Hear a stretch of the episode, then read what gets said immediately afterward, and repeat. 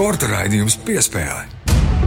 Raidījums piespēle Latvijas radio pirmais kanāls, studijā Mārtiņš Kļavnieks un Mārs Bergs. Esiet sveicināti un sveiciens arī tev, Māri. Sveiks, Mārtiņ, sveicināti arī klausītāji. Jā, un šajā nedēļā, šajā svētdienā raidījumā piespēlē runāsim, protams, par sportu, jo būs iknedēļas eh, spilgtāko notikumu tops, kurā sportiski un varbūt arī mazāk sportiski notikumi, bet uh, raidījuma galvenā tēma būs vistiešākā mērā saistīta ar sportu, jo, ja nebūtu sporta politikas, tad nebūtu arī paša sporta, nebūtu kas un kā sadalīt naudu, un beigu beigās eh, nebūtu arī sasniegumu, par ko priecāties līdzutējiem. Tāpēc runāsim par sporta politiku un konkrētāk par to, to, kāda vīzija ir jaunajam sporta apakškomisijas vadītājam. Jā, jo sports un sporta politika jebkurā gadījumā iet roku rokā. Tās ir divas neatraujamas lietas.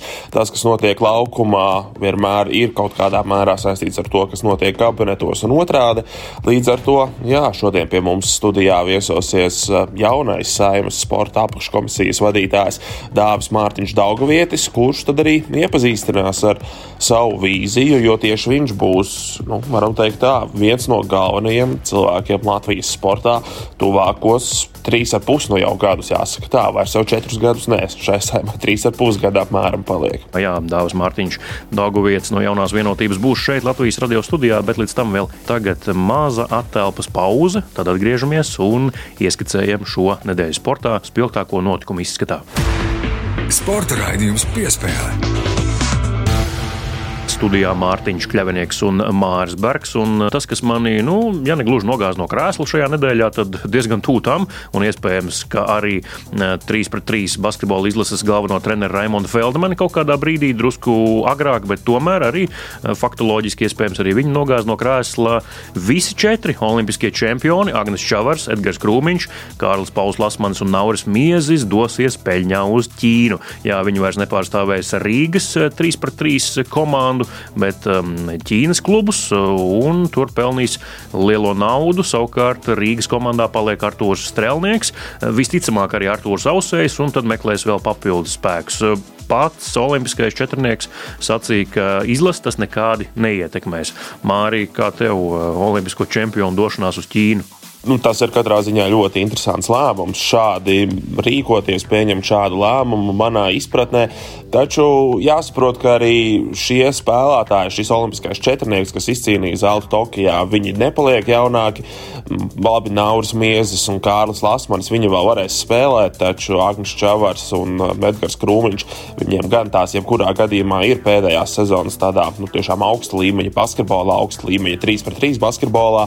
Ja ir iespēja nopelnīt naudu, tad uh, tā iespēja ir jāpaņem. Iespējams, ka liela daļa neatsacītos no šādas iespējas. Tāpat laikā nu, nav zināms, protams, cik lielas summas ir ierakstītas uh, visu četru līgumos. Droši vien Agnim un Edgaram varbūt pat mazākas summas, jo viņi pasaules rangā nav tik augstu. Jo ķīnieši kāpēc ņem šos uh, spēlētājus? Ir arī vislabākie serbi principā pie viņiem, un tur arī no Antverpenes komandas, no, no Nīderlandes vienības, arī no Austrijas komandas. Principā pasaules labākie 3 pret 3 basketbola spēlētāji ir pulcēti, jo viņiem ir daudz individuālo rangu punktu, un viņas pulcējot tur uzreiz, tad Ķīnas komandas ar šiem punktiem tiek klāta FIBA turnīriem, var tur spēlēt un eh, paralēli arī skolot jaunos ķīniešus. Tāpat laikā, protams, ir morāli ētiskais aspekts.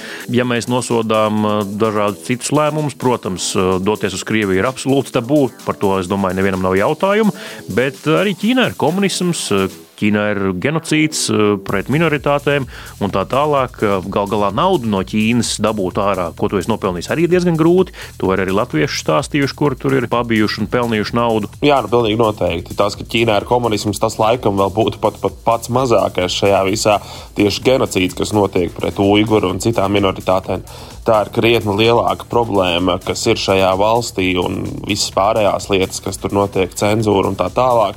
Tā kā, tas tiešām ir interesants lēmums. Nu, droši vien, ka visi basketbolisti un arī menedžments ir apdomājis, kā šo visu darīt, kā arī to naudu dabūt ārā pēc tam no Ķīnas, lai viņiem veicās. Tiešām tas, tas ir galvenais bez traumām. Un, um, Tas, ka ķīnieši šādā veidā mazliet bojā visu šo sporta veidu, tas arī manuprāt, ir fakts. Vai viņiem izdosies izveidot basketbolistus, arī šaubos. Bet redzēsim, būs interesanti atkal. Galvenais, lai visi ir izlasē veseli un mēģina un kvalificējas galu galā arī Parīzes Olimpiskajām spēlēm. Tas ir pats galvenais. Jā, ja ar izlasi viss būs kārtībā, tad jau mēs arī nepārmetīsim arī šiem četriem puišiem par viņu izvēli. Visticamāk, vairumā gadījumu mm, cilvēki to nedarīs. Bet uh, labās ziņas ir tādas, ka līgums esot uz desmit mēnešiem un garantēts. Tāpēc pat ja neizdodas saka, nostrādāt pilnu līgto ciklu un savu naudu, viņiem būtu jāsaņem. Nu, tā ir viena labā ziņa. Otra labā ziņa, ka viņi lielāko daļu laika trenēšoties kopā, lai gan spēlēšot dažādās komandās, bet trenēšoties kopā arī kopā ar serbiem gadiem. Turklāt vēl arī mm, Novisadā būs nometne vēl pirms tā visa sākuma Ķīnā. Mēs savukārt dodamies tālāk šīs nedēļas spilgtāko notikumu topā. Nākamais pieturas punkts - Nacionālā hokeja līga. Vēl viens latviešu vārdsargs debitēja Nacionālajā hokeja līgā. Šonadēļ tas bija Artūrs Šilovs, kurš stājās Vankūveras Kenaks vārtos pret New York Rangers. Nu, grūti viņam gāja, gabalos gluži viņa nesarāva, bet nu, vismaz divi vārti, ko es redzēju, tik tiešām bija tādi, kur nu, var teikt, ka vārdsargu sarāva gabalos ar konkrēto izspēli kaut kur varbūt eh, pirmajā vārtu gūmā viņu var vainot. Kopumā viņš savos vārtos ielaida piecas ripas. Vankūvera zaudēja Ņujorkai ar 4 pret 6, pēdējā ripa jau tukšos vārtos. Kāds ir sākums, eh, par to pat laikam nav nemaz tik ļoti jāieciklējās. Galvenais, lai ir un ir labs turpinājums. Kas attiecas uz šo spēli pret York Rangers, tad Vankūveras fani, nu, respektīvi par Artūru stāšanos vārtos, bija zināms nu, jau kādu laiku iepriekš. Tas nebija pēdējā brīža lēmums, ka viņš tiek iemests vārtos un viņam tagad ir jāspēlē. Nē, tas bija zināms, tas bija paziņots saulaicīgi. Vankūveras fani Facebook ierakstā izteica līdzjūtību Arturam, ka viņam sava debija NHL būs jāizvada tādā komandā, komandā kas spēlēs tik švaki viņa priekšā. Tas arī izskatījās laukumā. Vankūverā izskatījās diezgan bēdīgi brīžiem, un nu, Rangers saplosīja. Un, protams, arī New York Rangers tāda komanda, kāda tā ir šobrīd, nu, ļoti, manuprāt, grūts pretinieks, pret ko debitēt. Nu, tur meistari varam sākt tikai uzskaitīt. Ādams Foks, Artemijs Panārins, Mika Zibenedžets, Kris Kraiders. Tur labu spēlētāju netrūkst tā komanda patiesībā, ja tā spēlētu atbilstoši savam potenciālam, tad viņi būtu vieni no galvenajiem favorītiem cīņā par Stanley kausu. Laba pieredze, pieradīs pie ātrumiem, pieradīs pie metiena spēka, vispārējā, kas notiek NHL. Gan jau ar Arthuru viss būs kārtībā, arī Vankūveras fani izskatījās vismaz komentāros, ka īpaši nepārdzīvo par šo visu. Jā, nu, New York Rangers gal galā arī viena no karstākajām šī brīža Nacionālās hokeja līnijas komandām iet viņiem labi, bet uh, Arthurs, jā, viņš tāds ļoti nosvērts mierīgs, cik man ir ar viņu bijis komunikācija gan pasaules čempionātā Tamperē pagājušajā gadā, iepriekš arī um, dažā labā izlases uh, treniņu nometnē pirms pasaules čempionāta, kurā viņš bija uzaicināts. Jā, nu, viņš arī atstāja tādu ļoti mierīgu nosvērtu cilvēku iespēju kādam arī vārdsargam būtu jābūt. Un viņš pats arī pēc šīs debijas izteicās eh, ļoti piezemēti, ka nu, tā ir tikai debija, jā, pirmā spēle, bet nu, tas ceļš vēl ir tikai priekšā. Galvenais, lai es eh, izcīnītu vēl kādu spēli sākuma sastāvā, un tad jau pakāpienu pa pakāpieniņam varēs kāpt augstāk. Bet statistiski raugoties, eh, tas ir sestais Latvijas vārdsargs Nacionālajā hokeja līgā. Artūrs ir jaunākais no visiem savā debijā. Viņam viss mazāk gadu un dienu, ja seši vārdsargi kopumā kopumā no Latvijas ir spēlējuši Nacionālajā hokeja līgā, tad trīs no viņiem pārstāvējuši Vankūveras Kanaks, gan Artūrs Irbe, gan arī Pēters Skudra, tagad arī Artūrs Šilovs. Līdz ar to tad eh, liekam punktu šim tematam un dodamies tālāk eh, iknedēļas topā. Piespēle. Nākamais pieturas punkts eh, - pasaules sporta karalis, futbols. Eh, runāsim par vietējo Latvijas futbolu. Eh, futbola virslīga jau 11. martā sāksies. Tad tiks dots starta šāviens jaunajai sezonai, un tas sāksies ar mm, neko citu kā pēdējo čempionu dueli. Pagājušā gada čempionu Valmiera pret 2021. gada labāko komandu RFS. Tas arī ir mm, redzams arī publicētajā virslīgas kalendārā un iemetot aci. Tas, ko var redzēt uh, vismaz marta spēlēs, droši vien tādam uh, vidējam līdzjutējam, kurš varbūt neseko līdzi apakšgala komandām, noteikti saistošs ir 18. marts, kad jau pirmais Rīgas derbijas. Jā, ļoti ātri tā mums sanāk. Otrā kārta uzreiz. Kad eh, Rīgas derbijas un Valmiera RFS uzreiz pirmajā kārtā. Nu, protams, ka šajās pirmajās kārtās arī ir jāsaliek tādas lielas, nozīmīgas spēles. Varbūt mazliet žēl, ka tās būs uzreiz pašas pirmās kārtas, tāpēc ka komandas tomēr nebūs iespēlējušās, nebūs spēļu forma un tā tālāk. Taču būs interesanti, un tas ir pats galvenais. Redzēsim, kurš labāk būs sagatavojies. Tas jau tas būs laikam pats galvenais sezonas startam. Valmiera joprojām nav pārāk aktīva spēlētāja tirgu. Nu, teiksim tā, ir aktīva, taču spēlētāji viņus atstāja, nevis pievienojas. Rīgas grandi gan vairāk piesaista spēlētājus nekā tos pazaudē. Kādā no nākamajiem raidījumiem piespēle krietni, krietni padziļinātāk, tad arī runāsim par to, kas notiek Latvijas futbola vislīgā. Ir spēlētāji skaļi skaļiem vārdiem, priekš Latvijas virslīgas spēlētāji ar labiem ierakstiem savos rezumē. Tāpēc galvenais, ka būs laba sezona. Cerēsim, ka būs interesanta sezona, tā pareizāk sakot. Skatāmies un sekojam līdzi, bet mēs eh, savukārt dodamies tālāk nedēļas topā. Un nākamais pieturas punkts ne par sportu, bet par kādu ļoti, ļoti nepatīkamu gadījumu Igaunijas vieglatlētikā.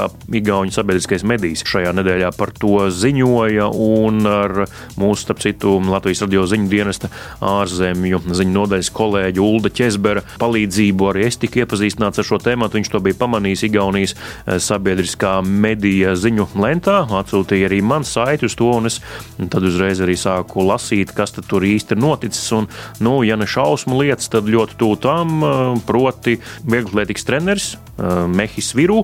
Viņam tūlīt jau apritēs 60 gadu, bet viņš pagājušajā gadā Kolumbijā pasaules junior čempionātā nu, esot izrādījis pazīmes, ka varētu būt attiecībās ar to laiku vēl 17-gadīgo augstlēcēju Kārmenu Brūsu. Tālāk jau 5 mēnešu izmeklēšana, ko aizsāka tieši Latvijas Vieglatlētikas Savienības ģenerālsekretārs Dmitrijs Miļkevičs rakstisks iesniegums Igauniem. Izmeklēšanas laikā izrādās, ka ir apstiprinājies, jā, ka bijusi gan seksuāla, gan arī psiholoģiska vardarbība. Tiesa, Karmena Brūsa pati, arī viņas vecāki to noliedz, kas ir interesanti. Tur pavisam noteikti kaut kādas vēl eh, nezināmas detaļas drīz vien nāks gaismā par šo lietu, bet eh, liek uzdot jautājumu, vai Latvijā arī kaut kas tāds aizkulisēs notiek, tikai neviens par to nerunā.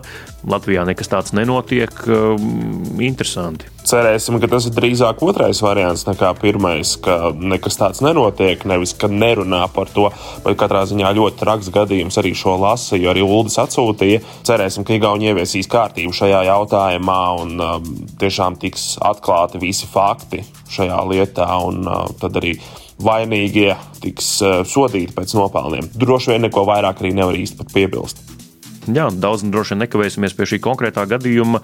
Dodamies tālāk uz nedēļas topa pēdējo pieturvietu. Un nedēļas spilgtāko notikumu topā izskaņā runāsim par biatlonu. Pirmo reizi mm, Eiropas čempionāts junioriem notiek Latvijā, Madonā, Smēķers Silā. Visu šo nedēļu tas norisinājās, sākās šīs nedēļas pašā, pašā sākumā. Nu, skaidrs, ka droši vien ka nav jēgas pārlieku runāt par rezultātiem, jo nu, tā ir jaunā paudze. Būsim atklāti, nekā izcili spīdoša tur nebija. Tā tomēr ir Latvijas jauno biatlonistu skatuve, kur viņi sev var atrādīt plašākai publikai, arī sacensties ar saviem vienaudžiem. Un cik es eh, nebiju klātienē Madonā, bet cik es redzēju vismaz gan fotokadros, gan arī dažādos video, ļoti labi šķietami sagatavota trases. Meceras silā tik tiešām no malas izskatījās, kā pasaules kausā biatlonā. Viss tāds skaisti marķēts un balts un ar krāsains un viss savās vietās. Jā, Smeceras silā vadībā ir tomēr arī pieredze un pavisam nesen tur arī notika, atceramies, tuvojas eh, Eiropas čempionāts pasaules kausa posma ziemas orientēšanās sportā. Iestrādnes jau tur noteikti bijuši šo pasākumu biatlonā, nu galu galā viņiem viss bija jāizdara tiešām kā pēc grāmatas, skaisti, precīzi, kvalitatīvi, jo nu, tas ir, varētu teikt, lielākais pasākums biatlonā, kāds Latvijā ilgā laikā ir noticis tāda līmeņa sacensības nav bijušas pie mums ļoti ilgi. Jā, atceramies, Igaunijā OTP bija pasaules kausa Bietlānā pieaugušajiem, bet pie mums nu, tāds labs solis, labs solis, lai uh, ietu tālāk, lai atrādītu sevi kā sacensību vietu arī starptautiskajai federācijai. Nu, tie rezultāti, jā, protams, ir otršķirīgi, tie tomēr ir jaunie sportisti. Un uh, galvenais, lai turpina paši attīstīties un augt un rādīt rezultātus pieaugušo līmenī, jo mums šajā jauniešu, ne, bet junioru konkurencē ir sportisti, ar kuriem mēs saistām cerības. Pēc tam arī pieaugušo līmenī Bietlānā. Solis tieši Latvijai un iespējai organizēt nākotnē iespējams lielākas un pēc tam vēl lielākas biatlona sacensības, Smecers silā vai kaut kur citur, kur tas būs iespējams, kas to lai zina. Bet uh, atcerēsimies, arī Jūrmāla sāka ar pavisam, pavisam tādu mazītiņu necilu turnīru. Tas bija tolaik vēl tā sauktais satelīta posms, uh, šķietami tādiem nu, netiem uh, labākajiem Eiropas pāriem, bet nu, šeku reku pagājušajā gadā taču notika visaugstākās raudas turnīrs, Elite 16, nu, un tas vairāku gadu griezumā no tā zemākā pakāpiena tika uzkāpts visaugstākā. Līdz ar to iespējams, ka arī Smecers Silam ir tieši šāds ceļš priekšā. Protams, ka, lai uzņemtu pasaules kausu vai kaut vai Eiropas čempionātu, nu, tur ir jāveic arī droši vien vērienīgas investīcijas trasē, lai tas būtu iespējams. Nu, līdz ar to liekam punktu arī šīs nedēļas spilgtāko notikumu topam. Tepat aiz durvīm jau gaida dāvāts Mārtiņš Daugavietis no jaunās vienotības saimas deputāts saimas sporta apakškomisijas vadītājs. Aicināsim iekšā un runāsim par sporta politiku un iespējams arī sporta nozares finansējumu pieaugumu jau vistuvākajā laikā. Latvijas radio pirmais kanāls, sporta raidījums piespēle, studijā Mārtiņš Kļavinieks un Māris Bergs. Mārī tā reize atkal pienākusi, kad runājam nevis tieši par sportu, bet par sporta politiku, kas ir pat iespējams vēl svarīgāk, lai vispār tie panākumi, par kuriem līdzutēji priecājas, un arī mēs stāstām varētu notikt, vai ne? Nu jā, nu tās ir divas neatdalāmas lietas. Sports un sporta politika viens bez otra nevar eksistēt, un šajā reizē atkal ķersimies klāt pie šī jautājuma, un tāpēc mēs esam studijā aicinājuši saimas sporta apakškomisijas vadītāju Dāvidu Mārtiņu Daugavieti. Sveiks, Dāvi! Sveiciens! Dāvis vai Mārtiņš? Dāvis. Tad uh, divi mārciņi fiziski studijā, bet uh, paliksim pie dāvja.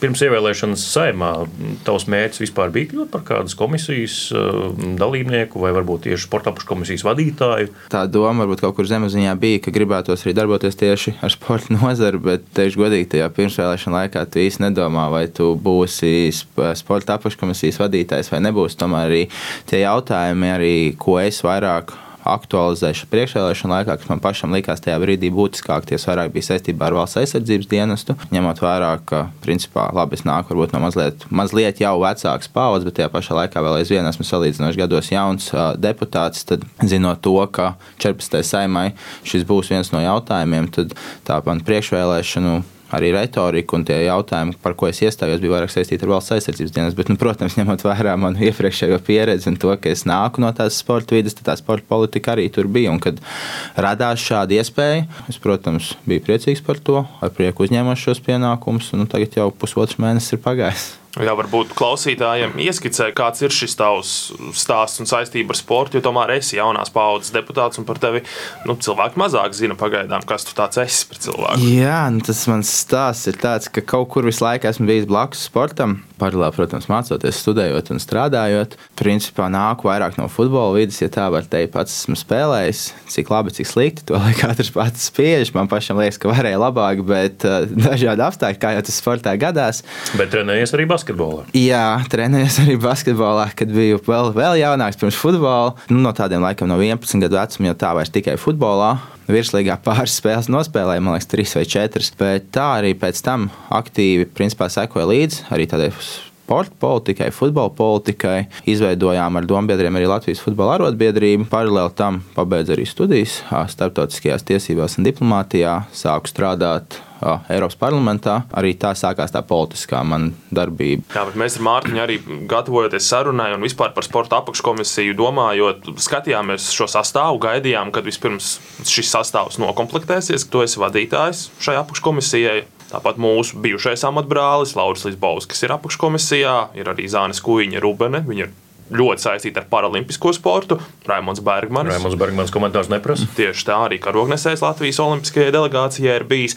Tas mums dod tādu cerību, ka apakškomisijas iekšēnē notiks tāds konstruktīvs, uz attīstību vērsts darbs, ņemot vērā, ka ir cilvēki, kas saprot šīs lietas un ir bijuši iesaistīti šajā vidē. Es gribētu piekrist, jā, arī šobrīd, cik mēs esam pusotru mēnesi strādājuši, man ir sajūta, ka ir izpratne par sportu, viedoklis saskan, lai arī atstātu kādu paliekošu un to pozitīvo nospiedumu Latvijas sporta politikā kā tādā. Jā, atceroties eh, sporta apakškomisijas darbu, nu, līdz 2018. gadam eh, tas bija tāds eh, kluss un šķietam vienmuļš. Nu, mēs kā mediji, kā žurnālisti, jā, runājām arī ar toreizējiem vadītājiem, prasījām komentārus, bet nu, nekur skaļi tie lēmumi pārāk neizskanēja presē. Tad nāca Sāns Rieksniņš, protams, redzama personība ne tikai politikā, bet arī jebkur, kur viņš parādās. Ehm, kāds ir viņa atstātais mantojums tev? Jo viņš ir tāds pretrunīgi vērtēts politiķis savā ziņā.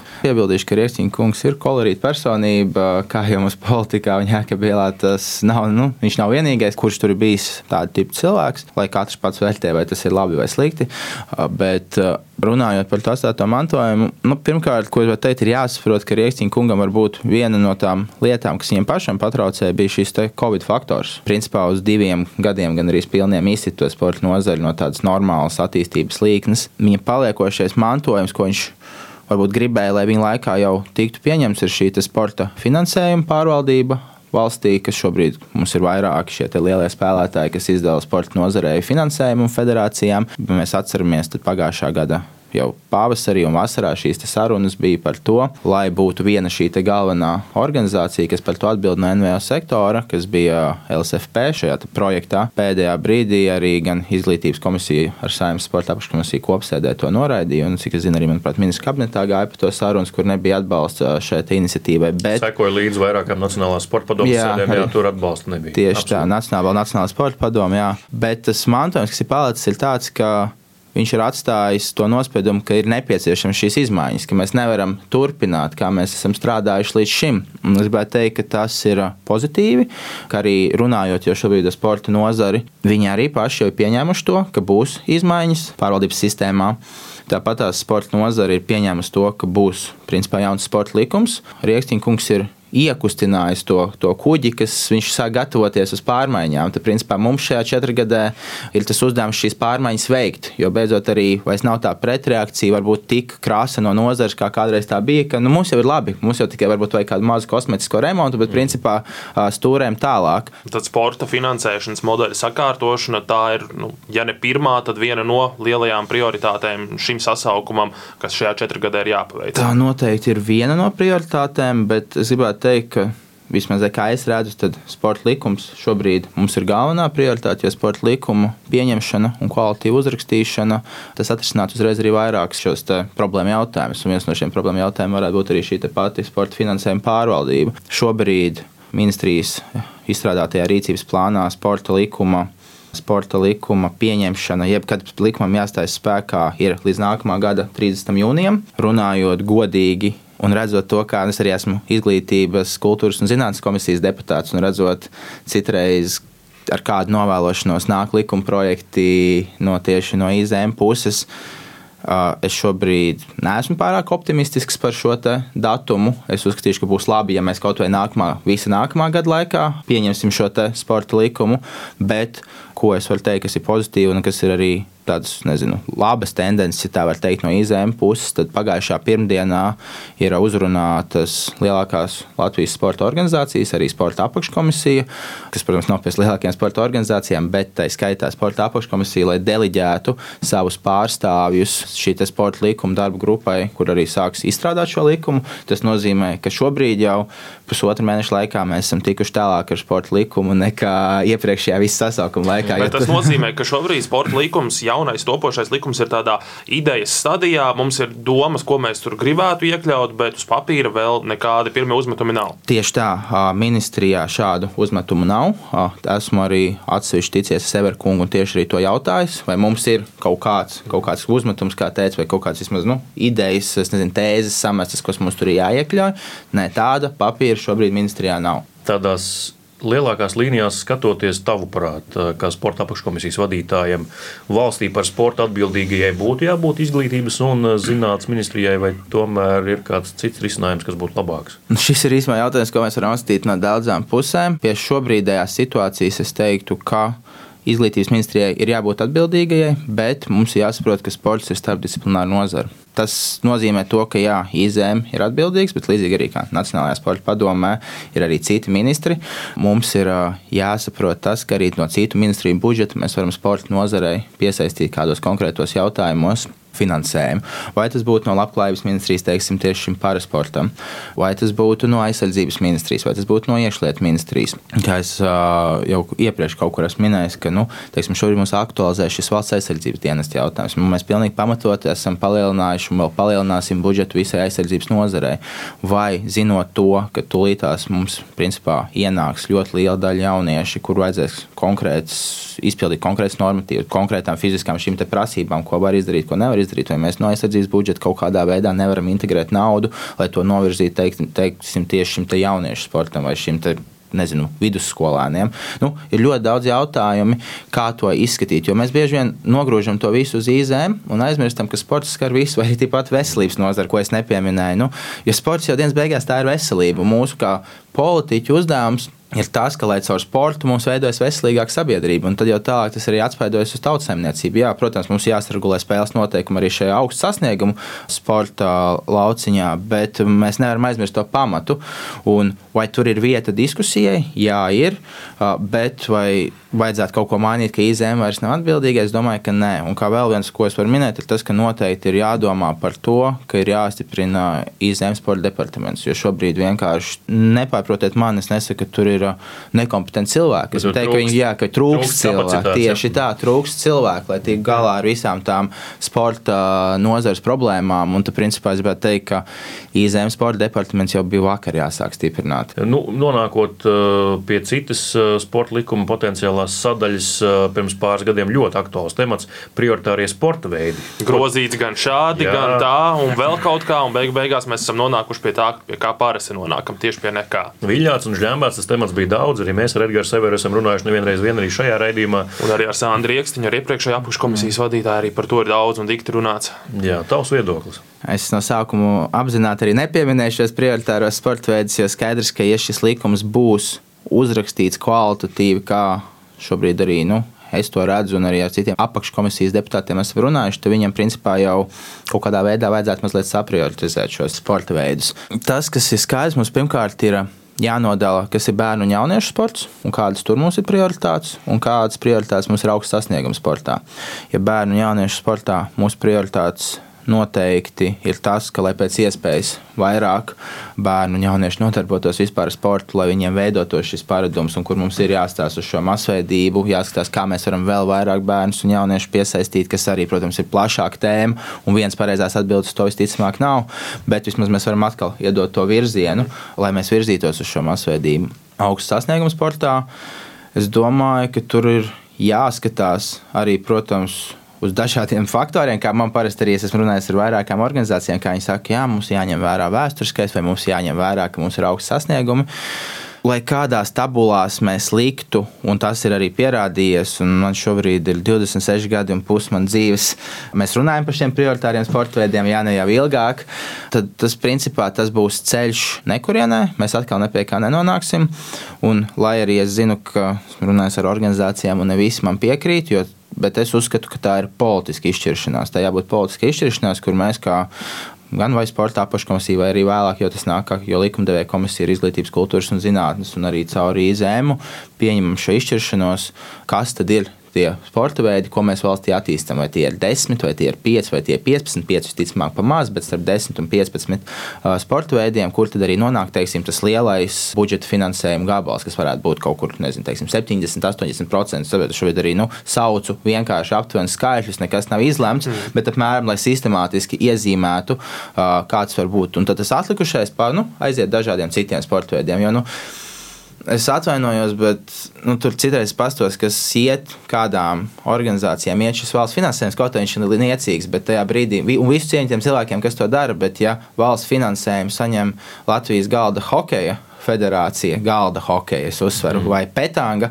federācija, tad nu, man ir jautājumi, vai tas tiešām ir kaut kas tāds, pat ja tie ir tikai daži tūkstoši, bet tāpat tās gadu laikā tas sakrājas, vai tas ir kaut kas tāds, kas ir jāatbalsta pa valsts naudu. Tas ir foršs spēles, es pats izreiz uzspēlēju galda hokeju ar, ar draugiem, bet tas nav jāatbalsta pa valsts naudu. Tas ir hobijs, tas ir hobijs, un es pats viņu uzturu. Es pats nopērku savu galda hokeju galdu, un, ja es gribu, es pats braucu uz turnīriem un spēlēju cilvēkiem, bet tam nav jānotiek pa valsts naudu vai brīdža federācija. Teiksim. Kārtas visiem patīk uzspēlēt, labi, ne visiem es teiktu, pateicu tā, bet, nu, principā lielai daļai patīk spēlēt kārtas, bet to taču nedaram pa valsts naudu. Tas ir brīvā laika pavadīšanas veids vienkārši. Nu. Tavuprāt, ir kaut kāds tāds labs risinājums sporta nozares finansēšanā? Ir runāts par piesaisti pie iekšzemes koprodukta ar kādu procentu vai procentu daļas. Piekritīšu tam, ka es arī uzskatu, ka sporta nozarē mums tas finansējums ir zems. Iespējams, kaut kādos brīžos arī pats sporta nozara tajos savos iekšējos kašķos par dažādiem finansējuma nezinu, sadalījumiem ir mazliet atbaidījusi to, lai viņiem dot vēl vairāk naudas. Jo, būsim godīgi, ja tur iekšā ir strīdi, tad neviens īsti negrib jaukties, ne, negrib jaukties kamēr viņi paši nav tikuši galā. Un tas ir tas, ko es arī esmu gājis. Šobrīd nu, tiekos jau pusotru mēnesi sporta organizācijām, tiekos gan arī katru dienu. Un tas, ko es saku, nu, lūdzu, pamēģinam šoreiz šos četrus gadus. Izkaujamies varbūt pie sarunu galda kas ir neoficiāli, satiekamies, izrunājamies, bet pēc tam ejam ārā ar vienotu šo ziņu, kā nozare, un tad tālāk jau saimnes sporta apakškomisijā mēs kā politiķi centīsimies jūs sadzirdēt, saklausīt, un tad arī ir daudz vieglāk man ar kolēģiem argumentēt par kaut kādu sporta nozares budžeta pieaugumu vai citu veidu šo finansējumu piesaistīšanu. Skaidrs, ka mehānismi var būt dažādi. Tad citas valstis varbūt skatās no akcijas nodokļa kaut kādu procentu piesaista sporta nozarei tieši, kas varbūt pat nav tas neloģiskākais. Mēs zinām, ka no akcijas nodokļa kultūras nozarē arī nāk kaut kāds šis mm. procents. Ir valstis, kas no azartspēļu nodokļa piesaista kaut kādu arī zinām procentu daļu, kas nonāk sporta budžetā. Tā kā mēs sarunas sākumā runājam, vēl viens ir skatāmies šos, uz sportu kā starpdisciplināru nozari, kas viņš arī ir. Piesaistam sporta budžetam finansējumu vēl arī no citu nozaru ministrijām, kas ir labklājība, veselība, aizsardzība, kas ir kā vēl viens variants, kā mēs palielinām šo budžetu. Jo, ja mēs paskatāmies uz to kopējo ja tā var teikt, to sporta budžeta pīrāgu. Un, ja mēs noņemam no tos aptuveni 20 miljonus, kas ir tieši sporta pedagoģu, treneru atalgojums, tad jau tā sporta budžeta ir pavisam tāda, tie skaitļi izstāsta ļoti, ļoti mazi. Pīrādziņš maziņš. Jā, paliek, jā, pavisam maz. Un ļoti pareizi tu arī teici par to, ka mums ir jāmeklē šie risinājumi un ka tā ir reāla problēma. Jautājums ir, no kuras puses mēs tam ķeramies klāt. Lielais uh temats eh, Latvijas sportā, eh, arī par prioritāriem sportiem runājot, un vispār pēdējos gados daudziem dādis acīs. Ar regularitāti, malts temats. Jā, Siguldas trase, tavas domas. Nu, šis skaidrs, ka tas, ko tu jau pieminēji, tas vēsturiskais aspekts, mums tā trase ir kopš 1986. gada tur Siguldā, un, un līdz ar to mēs to ļoti labi arī izmantojam. Panākumus tā trase ir nesusi. Medaļas nes, jā, bet eh, nu, ne visos tajos sporta veidos skaidrs, ka ir piramīda, tikai kamanās ir jauniešu un bērnu programma. Jā, un izmaksātā trasa arī valstī pietiekami daudz. Es noteikti neesmu no tiem cilvēkiem, kas uzreiz teiks, spridzinām trasi. tādi, tādi viedokļi arī ir. Bet ir. Uh, skatoties uz pašu Siguldas trases darbību, Tas, kā es redzu, lai mēs varētu tālāk pieņemt izsvērtu un konsekventu lēmumu, ko mēs īsti tālāk darām, ir saprast, kāds ir šīs trases devums atpakaļ tautsēmniecībā. Reāls aprēķins, nevis vienkārši PowerPoint tabulā uzrakstīt, ka mums liekas, ka no viena posma mēs dabūjam 300 tūkstoši atpakaļ. Bet gribēs redzēt kaut kādus reālus aprēķinus ar reāliem datiem. Sporta apakškomisija dosies uz pašu Siguldas bobsleja un kamaniņu trasi, tiksies ar trases vadību Tālāk arī ar iesaistītiem pusēm, kur būs piesaistīta arī Siguldas pašvaldība, sporta veidu federāciju vadība. Un uzklausīsim pirmkārt to viņu redzējumu, kā viņi redz trasi. Ceram arī ieraudzīt reālus šos skaitļus, cik trase dod atpakaļ tautsēmniecībā uz šiem posmiem. Jo tas nav noslēpums, ka no novembra līdz martam tur regulāri notiek treniņu nometnes un pašai Siguldas uzņēmēji darbībai tas noteikti nāk par labu. Jā. Bet mums tas jāapstāsta valstiskā līmenī. Ja trase ir ar plusiem un, teiksim, ja mēs ieguldam mazāk nekā mēs dabūjam atpakaļ, tas skaidrs, ka, lai kā kādam nepatiktu vai patiktu, mums ir principā tas jāturpina darīt. Tā kā ja mēs atgūstam atpakaļ valstī, ja mēs redzam, ka iegūst tikai Siguldas pašvaldība, bet valstiskā līmenī tas principā rada zaudējumus, tad mums ir jāmeklē risinājumi, kā vai pašvaldība vairāk iesaistās šīs trases atbalstīšanā, bet valsts tomēr mazliet paiet malā tam visam. Tas cits pārvaldes modelis, pārņem pašvaldībai privātais. Jā, jā, mums ir jāskat, jā, jāstāsta tieši tā. Pēdējais variants, ja nu, to nav gatava darīt ne pašvaldība, ne kāds privātais, vai tas varbūt kā privāts vai pašas federācijas nav, nav spējīgs to izdarīt, nu, tad mums ir jāmeklē risinājumi, kā mēs šo trasi vai padarām to par turismu objektu, kā tas, teiksim, arī izdarīts ir ļoti labi, manuprāt, Norvēģijā, kur, jā, Lillehammerē, kur trasa ir arī nu, piesaista daudz dažādus turistus un tādā veidā kaut kā atpelna. Paldies, Dāvis Mārtiņš Daugavietis, Latvijas radio studijā, Saimnes sporta apakškomisijas vadītājs. Parunājām par daudz un dažādām tēmām bet par sporta politiku ģenerāli. Paldies, ka atnācāt ciemos, un tad jau uz kādu citu sarunu. Paldies, ka uzaicinājāt! Piespēle. Studijā Mārtiņš Kļavnieks un Mārs Bergs, tālāk dāvs Mārtiņš Daugovietis, saimnes sporta apakškomisijas vadītājs, bet mēs tuliņ ielūkosimies vēsturē. Un, ja mēs tā skatāmies eh, kontekstā arī ar šīs nedēļas notikumiem, tad eh, šonadēļ arī ar vien dzīvāk kļuva diskusija par to, ka nu, no nākamā gada jau tiksim apvienoti juridiski pagaidām, bet tomēr tiksim apvienoti ar Latvijas televīziju vienā sabiedriskajā medijā. Pēc tam iespējams gadu gaitā arī tiks izveidota viena mītnes vieta abiem šiem medijiem un tik tiešām izveidots viens tāds pilntiesīgs viens sabiedriskais medijs, bet līdz tam vēl jāpagaida. Nu, un kontekstā ar to, tad eh, es domāju, ka varam arī ieklausīties kolēģu Latvijas televīzijas arhīvā. Izrādās, ka 2001. gadā viņi arī veidoja sižetu par to, eh, ko spriež politiķi par kādām sporta politikas nostādnēm, kas būtu jādara, kā būtu finansējums ehm, jādala sportā, vai ir nepieciešams noteikt prioritāros sporta veidus. Tas, kas ir aktuāls šodien, izrādās bija aktuāls arī gadsimta sākumā Latvijas sporta politikā. Ieklausāmies! Vēstures stūrītis! Kongress tātad pieņems tos trīs galvenos virzienus, kas šodien izskan. Tātad valstiskās organizācijas, nevalstiskās, jeb sabiedriskās un pašvaldības. Un, ja šie trīs virzieni attīstīsies katrs patstāvīgi un pēc tam koordinēs darbību kopā, tad tas būs tas spēks Latvijas sporta izaugsmē turpmāk nākotnē. Starp nozara uh, sadarbības koordinācija. Jā, es šeit nedomāju tikai sadarbības starp valsts organizācijām. Un, protams, maksimāls atbalsts sabiedriskajām sporta organizācijām, tā skaitā no valsts puses, lai tās, kuras ir gatavas uzņemties šo atbildību, varētu arī savas programmas realizēt. Viena no centrālajām sarunu tēmām, par kuru tiek runāts jau ļoti ilgi, ir sporta likums. Tā izstrāde un pieņemšana tiek gaidīta ar nepacietību jau kopš iepriekšējā kongresa.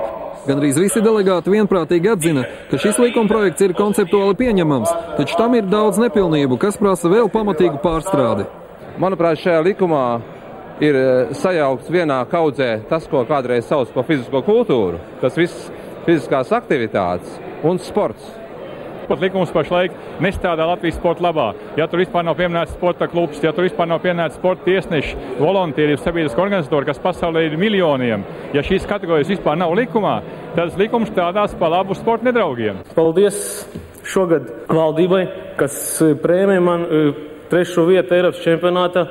750 lati, paldies, piešķir stipendiju, 40 lati apmēra, paldies, bet es uzskatu, ka neviens normāls cilvēks pa 40 latiem mēnesi nevar izdzīvot. Manā uzturē tomēr vajadzētu nedaudz vērtēt tos sportistus, kas reāli startē, un eh, cik reāli viņi ir tajā pasaules elitē, cik viņi ir spējīgi aizbraucot uz pasaules Eiropas čempionātiem vai arī uz Olimpiskām spēlēm, teiksim, paņemt to augsto vietu, cik tas ir reāli. Jo bieži vien gadās, ka uz Olimpiskām spēlēm brauc eh, teiksim, cilvēki, kuriem desmit vietas no beigām, teiksim, tas jau ir labi.